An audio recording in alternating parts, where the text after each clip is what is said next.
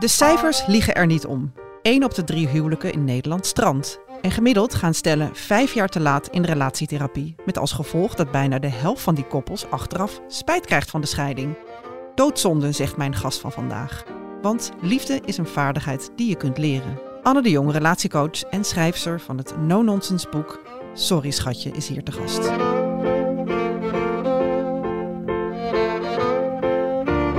Bestaat geen gedoeloze relatie. Dus iedere relatie die wat langer duurt, krijg je wel eens gedoe. Omdat je andere waarden hebt, omdat je een humeur hebt. Maar eerst even dit. Team Over de Liefde is super blij met jou als trouwe luisteraar. Ben je nou ook blij met ons? Abonneer je dan op deze podcast. Oh, en heb jij een bijzonder liefdesverhaal dat je met ons wilt delen? Laat het mij dan weten. Stuur een mail naar debbie.ad.nl of laat een DM achter op mijn Instagram, debbiegerrit. Fijn dat je er bent. Leuk om hier te zijn. Weer een boek over relaties. Je dacht, ik ga het gewoon doen. Terwijl er eigenlijk al heel veel zijn. Klopt. Waarom? Waarom dit boek? Ik had een aantal redenen. En ehm, de belangrijkste is dat ik heel veel relatieboeken uh, lees Mhm. en, uh, of luister. Ik luister veel. En dan uh, krijg je een soort tips of je krijgt inzichten van dat je bijvoorbeeld accepterender moet zijn, dat je liever moet zijn, dat je aan je hechtingspijn moet werken, Mhm. dat je moet leren verdragen, maar nooit hoe je dat doet. Oh ja. En ik, heb, ik ben relatiecoach, ik zie stellen aan de lopende band en ik zie wonderen in de praktijk. En ik, nou, ik vind liefde zo belangrijk. Ik vind het, ik vind het coachen van stellen zo belangrijk. En um, wat ik met ze doe, wat ik in de, uh, ja, in de praktijk, in mijn ruimte met ze doe, dat werkt gewoon heel goed. Mhm. En ik wilde een boek schrijven wat laagdrempelig was, uh, omdat mensen, wat je net zei, vijf jaar te laat in relatiecoaching ja, ja. gaan, relatietherapie gaan. En is er al zoveel naars gebeurd, dan is er al een parallel leven. Dan doet iemand het al met de buurman, dan is oh, er al ja. zoveel schade toegebracht. Ja. Ja, dat ik denk, het kan makkelijker, simpeler. En in het boek staat ook heel erg geschreven ja, wat ik doe in de praktijk en hoe je dan luistert naar de waarheid van een ander. Hoe je dan um, accepteert. Bijvoorbeeld iedereen zegt, ja, je moet je man of je vrouw meer accepteren. En ja, uh, iedereen liefde is een pakketje. Ja, ja. Maar hoe doe maar hoe dan? dat Ja, dan? want jouw boek zat echt vol met praktische uh, tips en, en schema's en zo. Gaan we het zo verder over hebben. Ja. Um, maar eigenlijk zeg jij van, oké, okay, jij wil een soort van, als, er, als de relatie nog niet op de afgrond, hè, op het randje van de afgrond af, op, op vallen staat, eigenlijk het moment daarvoor. Uh, een paar stappen daarvoor wil jij zeggen, wacht, ho, heel even hier stoppen. Uh, het, het, is misschien, je relatie is misschien een, nou, geef het een cijfer, uh, een zes of een zeven. En dan wil jij... Nou, ik zou, ik zou het allerliefst, wat ik, ja, wat ik het allerliefst zou willen, is dat het in relatiecoaching gaan, in het praten over je relatie, uh, dat het veel laagdrempeliger ja, wordt. precies. Dus dat je bewijs van spreken, je hebt anderhalf jaar wat of twee jaar wat en dan beginnen de eerste ja, scheurtjes. Je, je gaat een beetje van die roze wolk en dan ga je elkaar echt leren kennen. Mm -hmm. Dan wordt het pas interessant. Mm -hmm. Dan wordt liefde pas interessant. Verliefdheid is eigenlijk niet interessant. Je doet de hele tijd hetzelfde. Mm. Je vindt iemand geweldig, je ligt in bed en je geeft complimenten. Ja. En dat is een herhaling van zet. Het wordt pas interessant. staat zitten we Precies, in. met Ja. die elf fysiologische reacties en hormonen. Kijk, je zit meteen op de 11 en het wel. Jij bent volgens mij heel erg van de pragmatische. Ja, Ja, ik heel van. leuk, leuk. Maar ik zou gewoon, ik wil gewoon dat mensen ehm, ja, eerder ingrijpen Mhm. of eerder het gesprek aangaan. En ja, dat is wat ik in het boek heb willen doen. Dus, en natuurlijk kan je ook, ik zie ook stellen die, ik zie eigenlijk heel veel stellen die mij benaderen van, ik wil nu in coaching. Ik wil nu ingrijpen, want het is de op of de onder. Ja, ja. En dan is er gewoon te veel gebeurd. ja en je kan veel eerder wat. Ja, ja. Het is wel grappig als ik, ik ben, eh, ik ben fan van het programma B&B voor Ja, liefde. wie niet? Ja, wie niet? maar als ik dat dan, dat is een soort snelkookpan Ja. van een relatie. Hè? Je Ja. zet ze bij elkaar, dan heb je ten eerste die match die misschien niet helemaal goed is. Vervolgens zit je vast in een huis. Ja. En vervolgens zit er concurrentie bij. Ja. Dus de, ja, dat is gewoon de ingrediënten voor van alles. Ja, en als ik dan bijvoorbeeld naar, ehm, Leendert, volgens mij heet hij, en Loes Kijk. Dat vond ik zo interessant. Leendert en Loes, die, eh, hij is een beetje oudere man. Mhm. En Loes komt binnen en zij gaat op een gegeven moment vertellen dat haar vader is overleden. Mhm. Dan gaat Leendert praten over dat eh, zijn tante is overleden in coronatijd. Mhm. Vervolgens gaat zij zeggen tegen Leendert op een hele kritische manier dat ze dat niet leuk vond. En hij gaat verdedigen. Oh ja. Dit is precies iets wat je kan leren. Dit is precies iets wat ik met stellen doe. Mhm. Als je iets niet leuk vindt, hoe je het uitspreekt, maar ook hoe je kan vertellen zonder kritiek. Ja, En hoe je kan luisteren zonder oordeel. Dus als ik dat programma zie en Dan zie je alleen maar, nee, lees mijn boek. Nou, ik denk gewoon mensen kunnen liefdesvaardig worden. Ja. En wat ik, ik heb een, ja, ik heb liefdeszones als metafoor. Dus je hebt in de liefde een fel groene zone. Ja. En als wat ik noemde, vo- ja, je hebt daarboven roze. Hè? Maar nogmaals, die vind ik niet zo interessant. Dus je hebt de fel groene zone. En dat is de zone als je op vakantie bent. Je vindt elkaar helemaal leuk. Je voelt je helemaal verbonden. Dan heb je een gewone groene zone. En dat is gewoon als je werkt, je hebt het leuk en je hebt humor, je kan dingen oplossen. En je hebt de oranje zone. En dat is de oranje zone, is eigenlijk de meest interessante zone. Want daar voel je je af en toe niet gezien, niet gehoord, een beetje gekwetst. Dan denk je, hoezo vind jij dat belangrijk? Ehm, daar komen de kleine ergernissen. Ja, ja. En wat ik bedoel met liefdesvaardig, is Mhm. dat je jezelf uit die oranje zone kan trekken om weer naar groen te gaan. En wat ik te veel zie, is dat het van oranje naar rood gaat. Ja, precies. En dat is de zone waar je kritiek hebt, nare dingen, het verdedigen, het cynisme, het ooghol, het parallelleven, het overspel. En daar gaat het eigenlijk al, dan ben je eigenlijk al te laat. Hè? Dan ben je te laat. Eh, Anne, jij bent zelf getrouwd met een schrijver, Kluden, bekende, bekende schrijver. Mhm. Eh, eh, zitten jullie wel eens in de oranje zone? Heel vaak. En wat doe je dan? nou, veel vaak. Eh, ik, Zit Elke- iedereen daarin? Ik ja, bedoel, elke relatie, er bestaat geen gedoeloze relatie. Dus iedere relatie die wat langer duurt, krijg je wel eens gedoe. Omdat Ja. je andere waarden hebt, omdat je een humeur hebt, omdat je af en toe niet gezien of gehoord voelt. En dat kan. Eh, als bijvoorbeeld, eh, bijvoorbeeld Ray is heel opruimerig. Dus die vindt heel belangrijk dat bijvoorbeeld de afwasmachine wordt ingeruimd. Ja. Stel dat ik die niet inruim, dan kan hij zich niet gezien voelen, omdat dat belangrijk voor hem is. Mhm. Dus ik denk de oranje zone is de zone waar je altijd in komt, klein of groot. Mhm. En daar eh, in het boek beschrijft de vaardigheid om dan in te grijpen. En dus we komen erin, maar we hebben ook wel echt de tools om eruit te komen. Ja, ja. Ben, jij de, ben jij dan echt de relatietherapeut in jullie relatie? Helemaal niet. Nee? Hij is af en toe zelfs beter. Oh, echt? Nee, maar het gaat om dat, ik bedoel, dat is thuis en met vrienden en in de kroeg. Ja, ik weet veel, maar dan ben ik gewoon Anne met mijn eigen frutsels en eigenaardigheden. En, maar het, een van de belangrijkste dingen is dat je gewoon kan vertellen wat er in je hoofd en je hart gebeurde. Ja. Wat voor rare frutsels je hebt op een niet aanvallende manier. Nee, dus het, en, dat, en dat zijn natuurlijk gewoon allerlei skills die je kan leren. Hè? Ja, de- maar die mensen niet heel goed beheersen. Nee, nee. En zeker niet als ze zich wat gekwetst voelen of wat afgewezen voelen. Want dan gaat het brein dicht en dan luisteren ze niet meer Nee. naar elkaar.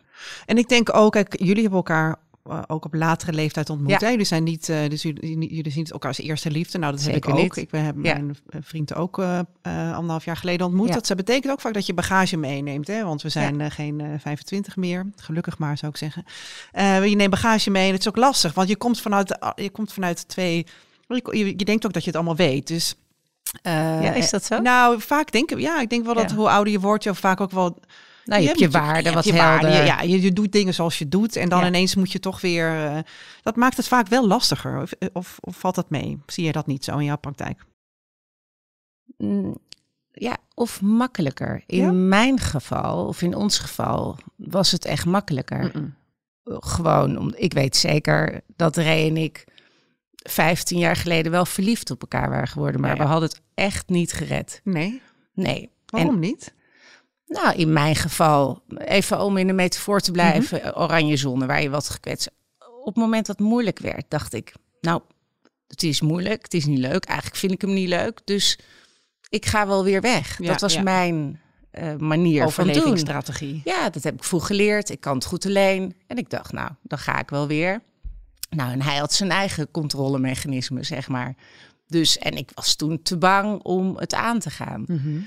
Dus wat mij betreft en wat Ray betreft, is het heel fijn en veel makkelijker dat we elkaar in deze fase hebben ontmoet. Ja. Hij heeft ook, ook gewerkt aan zichzelf. Ja. Of de, bedoel, hij is een andere man die die eh, tien jaar geleden was. Ja.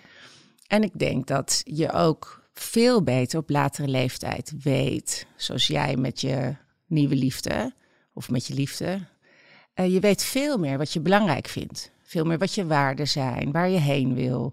Als je jonger bent, verandert dat ook nog meer en je weet het wat minder. Mhm. En nou, als ik terugkom op het woord liefdesvaardig, je bent echt minder vaardig dan in het. eh, dan in je latere leeftijd. Ja, maar ik, dat, dat, denk, dat geloof ik ook wel, ja. Ik, en- maar ik denk ook, hè, als we dan naar B&B de liefde gaan... daar zie je natuurlijk ook gewoon wel Ja. mensen die maar gewoon continu dezelfde fouten maken. Ja. En, en, en ook gewoon niet weten, ja, goh, hè, niet weten... Kijk, je- jij hebt duidelijk je, je, je, je shit opgeruimd. Eh, Nee, maar dat klopt. En voor liefde is reflectie nodig. mhm. Als je niet reflectief bent, dan blijf je de schuld van je ongenoegen altijd aan je partner geven. Ja, precies. Dus als jij onzeker eh, wordt, ik noem maar wat, dan, dan word je boos op je man of vrouw dat hij of zij jou onzeker maakt. Dat kan niet. Of als jij iets nodig hebt van iemand, dan moet de ander het raden. En als iemand niet goed raadt, dan, eh, dan word je ook boos. ja, of, onzeker of onzeker. Ja. Dus voor liefde is reflectie nodig. Mhm. Wat doe ik eigenlijk? En mijn handen jeuken bij B&B van liefde. dat ik echt denk, ja, van hoe kan dit? Hoe kan je op die leeftijd zijn? Dus dat is waar. Dus als je Ja. geen, eh, ja, als je niet reflectief bent geweest, als je niet hebt gekeken naar je relatie-cv, als je niet hebt gekeken wat is mijn patroon eigenlijk, dan Ja. blijf je belanden in, ja, gaat. in welke, ja, welke valkuil dan ook. Ja, leuk. Daar wil ik het zo verder met je over hebben. Ehm, maar misschien denkt de luisteraar op het moment... Ik, eh, ja, ik heb ook wel een vraag over een relatie of over seks of over de liefde of wat dan ook. Ik zou zeggen, maak van je hart geen moordkuil en mail mij gewoon. Dat kan naar debbie.ad.nl of stuur via de- eh, Instagram een DM naar Debbie Gerritsen. Eh, Anne, je hebt dus een boek geschreven met... Ja, ik heb het hier voor me liggen en er staan echt... Het is heel praktisch. Ehm, dat wilde ik. Ja, nou, het is heel goed. No nonsense zeg je ook. Eh, Even, wanneer komen eigenlijk de problemen in de relatie? Wanneer is dat? Hè? Want je zegt, eh, als we dan de, hè, die fases doorgaan, je zit in de roze fase, je bent knalverliefd, je ziet helemaal niks. Het is één grote roze wolk. Dan op een gegeven moment gaat dat brilletje af. Ja, dan zit je hopelijk in een groene fase. Eh, maar dat kan natuurlijk ook meteen in een rode fase of in een oranje fase terechtkomen. Eh, wanneer, wanneer is het een beetje gangbaar? Wat, wat zie jij in jouw praktijk? Nou, liefde is een golfbeweging. Mhm. Dus het is altijd een momentopname waar je zit. Het kan zijn dat jij gisteravond toevallig ruzie hebt gehad. Of dat je nu die test zal invullen als oranje. hè? Dus het is altijd een golfbeweging. Ja. En ik zie natuurlijk stellen die twintig jaar bij elkaar zijn. En nu eh, in een rode fase zitten. Ehm, maar ik zie ook stellen die bijvoorbeeld net bij elkaar zijn. En ik heb bijvoorbeeld een stel die echt twee jaar bij elkaar is volgens mij nu. En daar komen al zoveel ehm, ja, angsten boven, waardoor er heel veel boosheid is en ze komen niet uit de conflicten. Dus ik kan niet zeggen ehm, waar iemand komt of wel, in welke fase. Het leukste eh, wat ik vind, of het belangrijkste, is dat mensen op het moment dat ze ergens niet uitkomen, dat het repetitief is. Mhm. En het kan ook over één ding gaan. Hè? Ik, heb wel, ik heb bijvoorbeeld een stel die heeft. Ze hebben ruzie over geld en dan komen ze niet uit. Voor de rest, seks is goed. Alles is eh, goed. alles is goed. Ze hebben goede vakanties. Maar het is één onderwerp.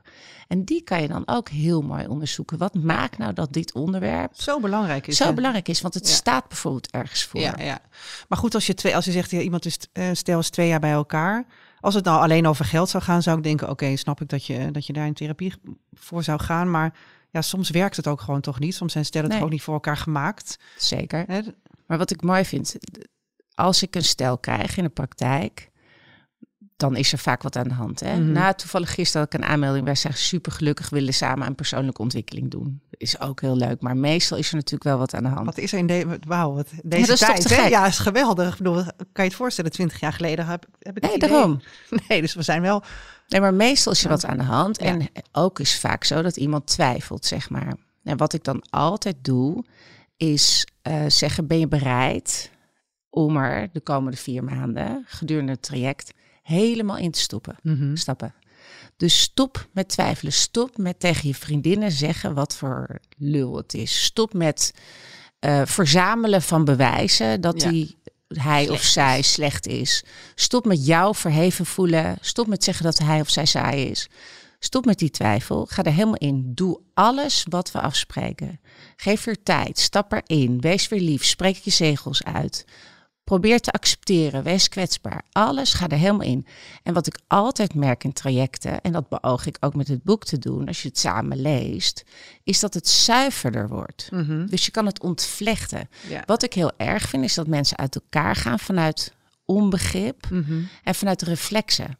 Want, eh, en dat is echt zonde. Want het is heel vaak zo, als ze er helemaal instappen, als ze weer lief gaan doen, als ze weer naar elkaar gaan luisteren, dat ze elkaar snappen. Mhm. En eh, Maar dat komen ze weer helemaal bij elkaar. niet terug? Nee, Hmm. niet als je het ontvlecht.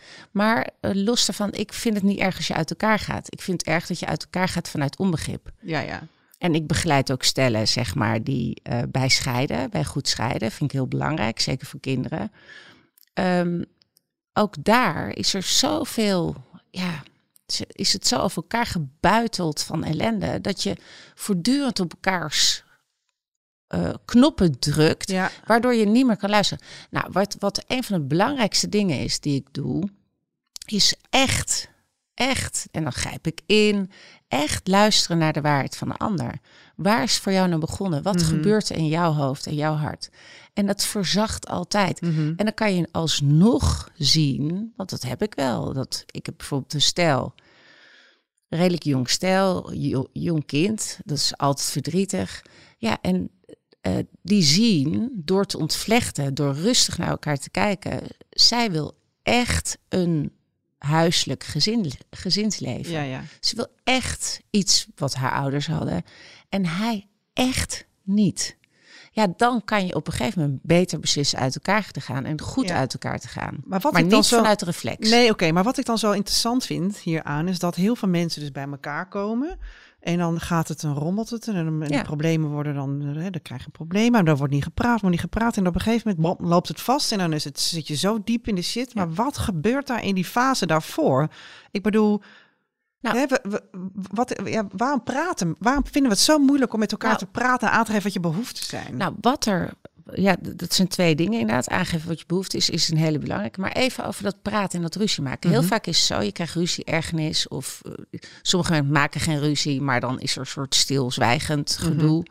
Wat er heel vaak gebeurt, is ehm, het is aan de hand geweest. Iedereen kent dat. En de volgende dag is het wel weer goed. Mhm. Of je, je krijgt een bos bloemen, of je zegt ach schatje, of eh, je hebt Sorry, seks, schatje. of- ja, sorry schatje. en is wel goed. En beide ben je opgelucht. Oh, het is weer lekker. Uh, Zitten we weer in de, groene, in de groene zone? Zitten we weer groen, ja, groen, groen. oh, oh, fijn, fijn, fijn. Nou, en dan ben je twee weken verder en dan komt hetzelfde thema terug. Mhm. En dan ga je weer erin.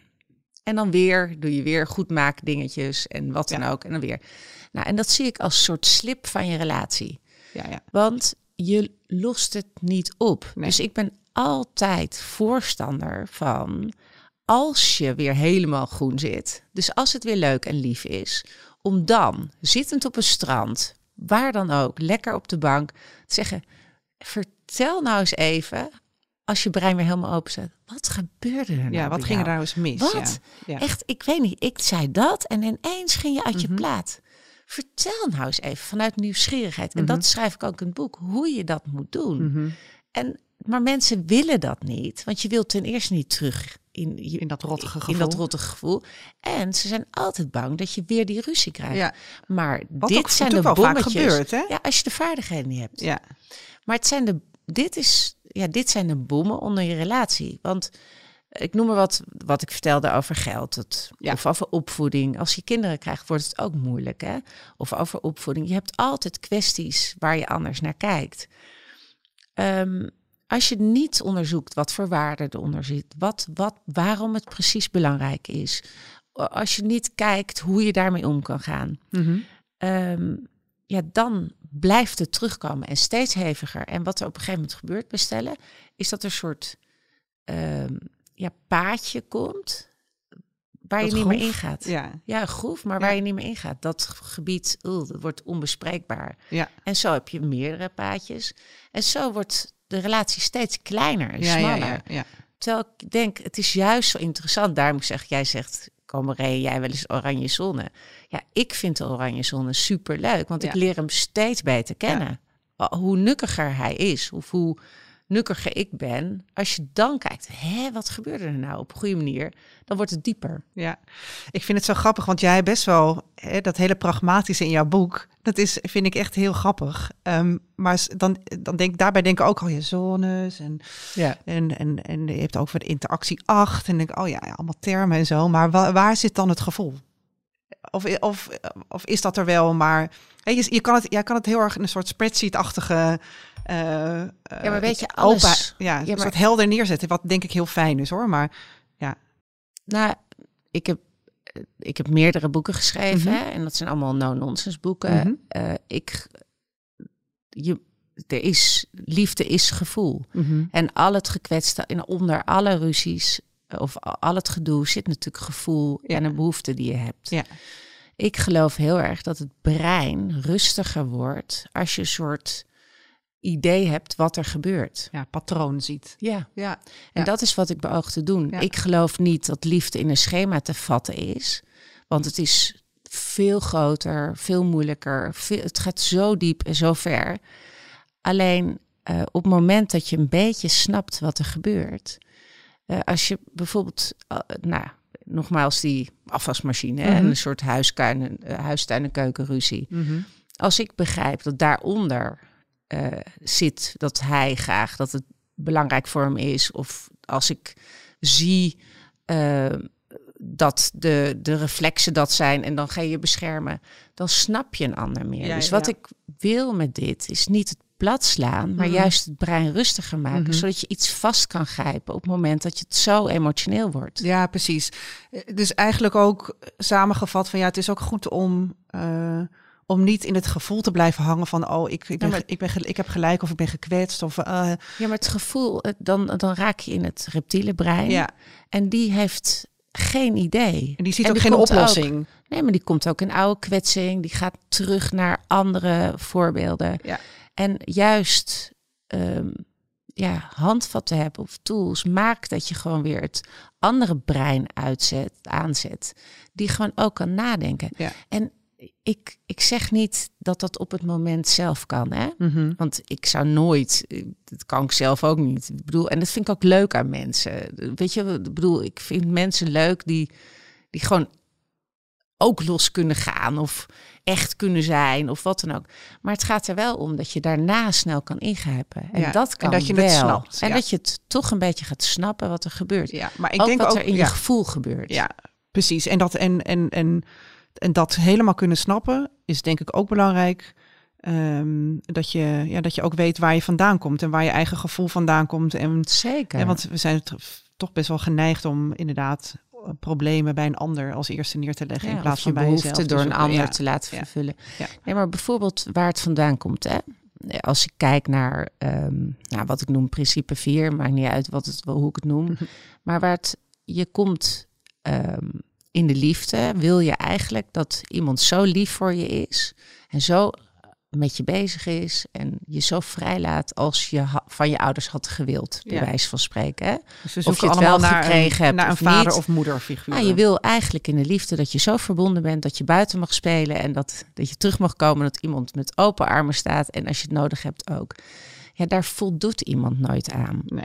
Dus dan kom je op oude ja, hechtingsbehoeften eigenlijk. Als daar nog wat meer pijn op zit, dus als je daar ook niet gezien bent, dan wordt het gewoon, ik noem dat een blauwe plek, dan wordt het gewoon heviger, je Mhm. gevoelens. Maar ook bijvoorbeeld, je kan ook blauwe plekken hebben door je ex-relatie Mhm. als je iemand, ehm, ja, als jouw ex vreemd is gegaan of eh, niet heeft geluisterd of je onzeker heeft gemaakt, zit er ook een blauwe plek. Of in je eigen relatie. Dus het brozen van je brein is heel belangrijk om serieus te nemen, Mhm. maar ook uit te leggen aan de ander. Niet dat de ander moet repareren, maar wel dat je het kan vertellen waarom je extra heftig reageert. Ja, ja. Dan moet je het wel weten. En ik ga hem er toch, de, de trouwe luisteraar zou misschien denken, nou, daar komt ze weer aan met de, uh, met de stelling. Maar ik ga hem er toch even ingooien bij je. De stelling. De stelling is eigenlijk, we hebben allemaal last van bindingsangst of verlatingsangst. Is dat zo? Het is een schaal. En uh, wat ik leuk vind aan deze stelling, is dat ik ben het ermee eens. Want iedereen is angstig om zichzelf te verliezen of de ander te verliezen. Mm -hmm. Alleen de een heeft het veel. Um, ja, is sneller, uh, ja, wordt, is het strakker afgesteld, zeg maar. Ja, ja. Dus die is sneller bang zichzelf te verliezen of de ander te verliezen. Dus ik zie het als een, als een schaal. Schaal, ja. En ik zie het niet als diagnose. Dus wat ik vind dat er te veel gebeurt, is dat iemand zichzelf diagnosticeert. Ja, het is ja. geen officiële diagnose. En we roepen het wel heel snel. Ik heb bindingsangst en dat pleit je ook vrij. Alsof het een vaststaand feit is. Dat je verlatingsangst of bindingsangst. Dus ik ben eigenlijk slachtoffer van mijn bindingsangst of verlatingsangst. Dus ik ben bijna niet te repareren. En daar ben ik niet mee eens. Want Nee. kijken naar jezelf, bewustwording en stappen zetten. En bijvoorbeeld een veilige partner zoeken. Je kan wel degelijk er wat aan doen. Ja, dus we plakken ook wel lekker makkelijk labeltjes op onszelf om er een beetje van af te zijn. Van, oh, hè, wat we ook vaak roepen over ex, ja, hij is een narcist. Nee, ze, heeft, eh, ze is bipolair. Hè, dat wordt ook altijd geroepen. En bindingsangst of verlatingsangst, maar het, het gaat er uiteindelijk om, Ik wat heb- doe je er dan mee? Ik heb bindingsangst, dus ik kan er niks aan doen. Mhm. Dat ik jou eh, ja, niet goed behandel. Of Mhm. ik heb verlatingsangst, ik kan niks doen aan mijn impulsen. Dus daarom hou ik niet zo van die labels. Maar het is natuurlijk een feit dat ja, als je iets minder goed veilig gehecht bent, dat het enger is om je te hechten. Of dat het enger is dat iemand weggaat. Mhm. Maar je kan er heel veel aan doen. Ja, jij had, had jij ook bindingsangst? Ja, en dan is het altijd wat is wat, hè? want het gaat heel vaak van de een en de ander. Maar wat ik eh, van mezelf weet is, ehm, ik kon, ik ging heel snel weer weg als ik Ja, ja. gekwetst werd. En dat zou je bindingsangst in de Ja, ja. categorie, als ik in boeken kijk, dan voldeed ik aan bindingsangst. Ja. Want ik vond dichtbij komen eng. En bindingsangst natuurlijk op te lossen met kwetsbaarheid. Met te vertellen wat er gebeurt zonder de ander aan te vallen. Mhm. Of zonder in je zielepieten gedrag te gaan. Mhm. Dus gewoon... ehm, en nogmaals, begin van het gesprek hadden we over zelfreflectie. Om heel goed te kijken naar wat je nodig hebt, wat je wilt. En waar pijn vandaan komt. En waar pijn vandaan komt. En, en, eh, en, en Ray, had hij ook had last van bindings- of verlatingsangst? En hoe, hoe is dat dan goed gekomen? Vraag me dan af. je moet hem eens uitnodigen. Nee, maar ik Nee, bedoel maar meer. dat- eh, dat, er zijn natuurlijk Nee, maar- veel meer relaties. Als je bindingsangst hebt, dan bezoek je ook vaak iemand met verlatingsangst. Of je, eh, vaak, vaak loop je wel een beetje in diezelfde fuik. En je moet er ook maar uitkomen. Ik bedoel, ik zie het bij Het mezelf. Ik heb het heel veel gedaan. En naar iemand ofwel met bindings- of, of verlatingsangst. Maar ik heb nu iemand gevonden die ontzettend veilig is. En die, heel veilig, die heeft dat helemaal niet heel veilig gehecht. Maar het is wel door dat ik zelf heel erg dat heb opgelost bij mezelf. Ik weet heel erg, oké, hier Ja. kom ik vandaan. Het lag niet aan de partner, het lag aan mezelf. Dus, maar je zoekt dus wel heel vaak hè, hetgeen op wat je... Nou Wat ja, wat, wat je natuurlijk opzoekt als je mo- moeilijk kan binden, Mhm. op welke, welke as je ook zit. eh, het is, wat je eng vindt is echt jezelf te laten zien. Dus je zoekt ook iemand die dat wat minder kan, hè? want dan is minder kwetsbaar. Voor mij, Ray heeft heel veel opgelost in zijn leven. Hij is super veilig. Dus een veilige partner, hij, is heel, eh, hij heeft een heel veilige opvoeding. Ouders die zijn al duizend jaar bij elkaar, die zijn de hele tijd verliefd geweest. En hij kan juist heel erg tegen mij zeggen: Ja, ja. wat jij ook doet, ik blijf bij jou. Ja. Oh, loop maar weg, doe maar gek. Eh, ik blijf altijd bij jou. Dus, Dus voor hebt mij, een veilige partner gevonden. ik heb dus een hele, ja. Terwijl het image van hem lijkt me zo minder veilig, maar voor mij is hij een hele veilige partner. Ja, wat fijn. Ja, Ja, en is zo bindingsangst en verlatingsangst. En we hebben het er best wel veel over, ook hier in, eh, in deze podcast. En ik vraag me ook af of het wel een beetje geen, eh, of het ook per generatie verschilt, of we daar zoveel last van hebben. nou ja, of dat je het. Kijk, want we gaan nu best wel veel we scheiden heel makkelijk. Ja. Scheiden, en, en dat is niet een waardeoordeel overigens hoor, helemaal Nee. niet. Maar en dat eh, Nou. wat je net zei over eh, mijn ouders zijn ook al, al eh, forever bij elkaar zijn heel Ja. erg en die hebben natuurlijk ook zware, zwaardere tijd gehad. Dus, maar die zijn altijd heel erg verliefd gebleven. Hè? Dus, dus het is heel hè? fijn. Ja, dus ik heb een heel goed voorbeeld gehad. Dus en die generatie bleef natuurlijk ook veel langer bij elkaar. Dus ik vraag me af hoe dat dan per gener- generatie, of we daar nog verschillen in gaan zien. Hè? Dat Nou, een ik denk jongere dat deze generatie generatie. ik heb daar een aantal dingen over. Ik denk dat een relatie houden is ook een kwestie van dingen verdragen Mhm. en graag willen en kunnen accepteren. En niet weglopen op het moment dat het even eh, moeilijk is. is. saai is of dat iemand even niet voldoet. Mhm. In deze tijd is het makkelijk om weg te lopen. Als Ja. je kijkt waarom lopen mensen weg, dat is het ook als je een alternatief hebt. Dus als je En die kijkt naar alternatieven zijn er natuurlijk veel meer. Die zijn er veel meer. En Ja. zeker als je kijkt hoeveel singles zijn. Een, een alternatief kan ook single leven zijn. Mhm. Dus ik denk een deel van een relatie behouden is het ook interessant vinden om te blijven. En wat ik zeg, te verdiepen. Ik, mensen worden natuurlijk veel interessanter eigenlijk hoe langer je wat met ze hebt. Mhm. Maar je moet wel door dingen heen. Ja. Doordat je ook ja, een, een saaie tijd hebt. Of dat je iemand even heel stom vindt. Of Ja. dat je even op iemand neerkijkt. Of wat dan ook. Mhm. Dus ik, eh, deze nieuwe of deze generatie heeft alternatieven. Die was er natuurlijk vroeger minder. Als ik alleen al kijk naar mijn zoon, die zit in Amsterdam op school. Ik zat ook in Amsterdam op school. Ik had alleen mijn Fons Vitae lyceum, de mensen die ik kende. Als ik zie wat die kinderen bijvoorbeeld alleen al kennen, die kennen heel Amsterdam. Nou, en als je gaat daten, dan heb je natuurlijk al die apps. Ik bedoel, dat, dat geswipe maakt natuurlijk dat je echt op zoek gaat naar een ideaal. Ja. En of mensen, ik denk dat bindingsangst, verlatingsangst ehm, van alle tijden is.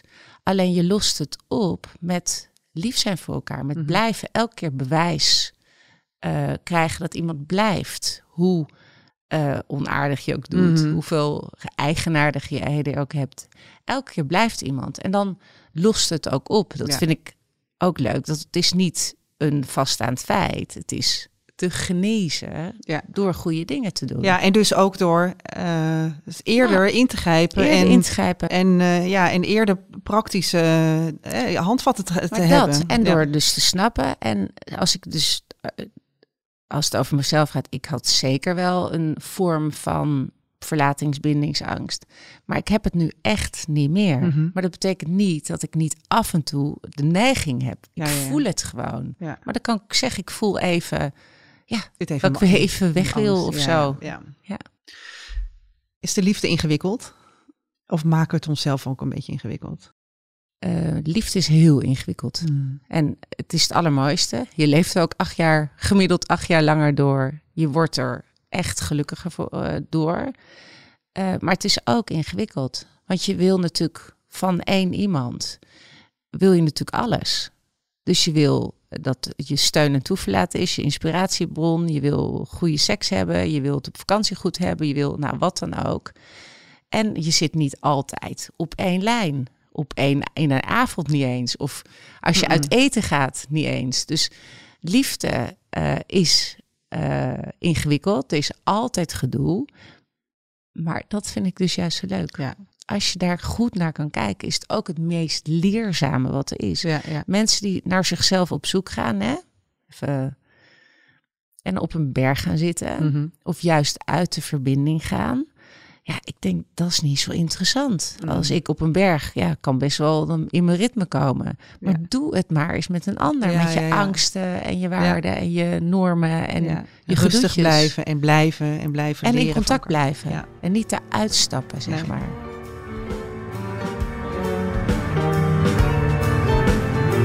Leuk dat je luisterde naar Over de Liefde. Heb jij nou een prangende vraag over de liefde, seks of relaties? Laat het mij dan weten. Stuur een DM op mijn Instagram of mail naar debbie.ad.nl.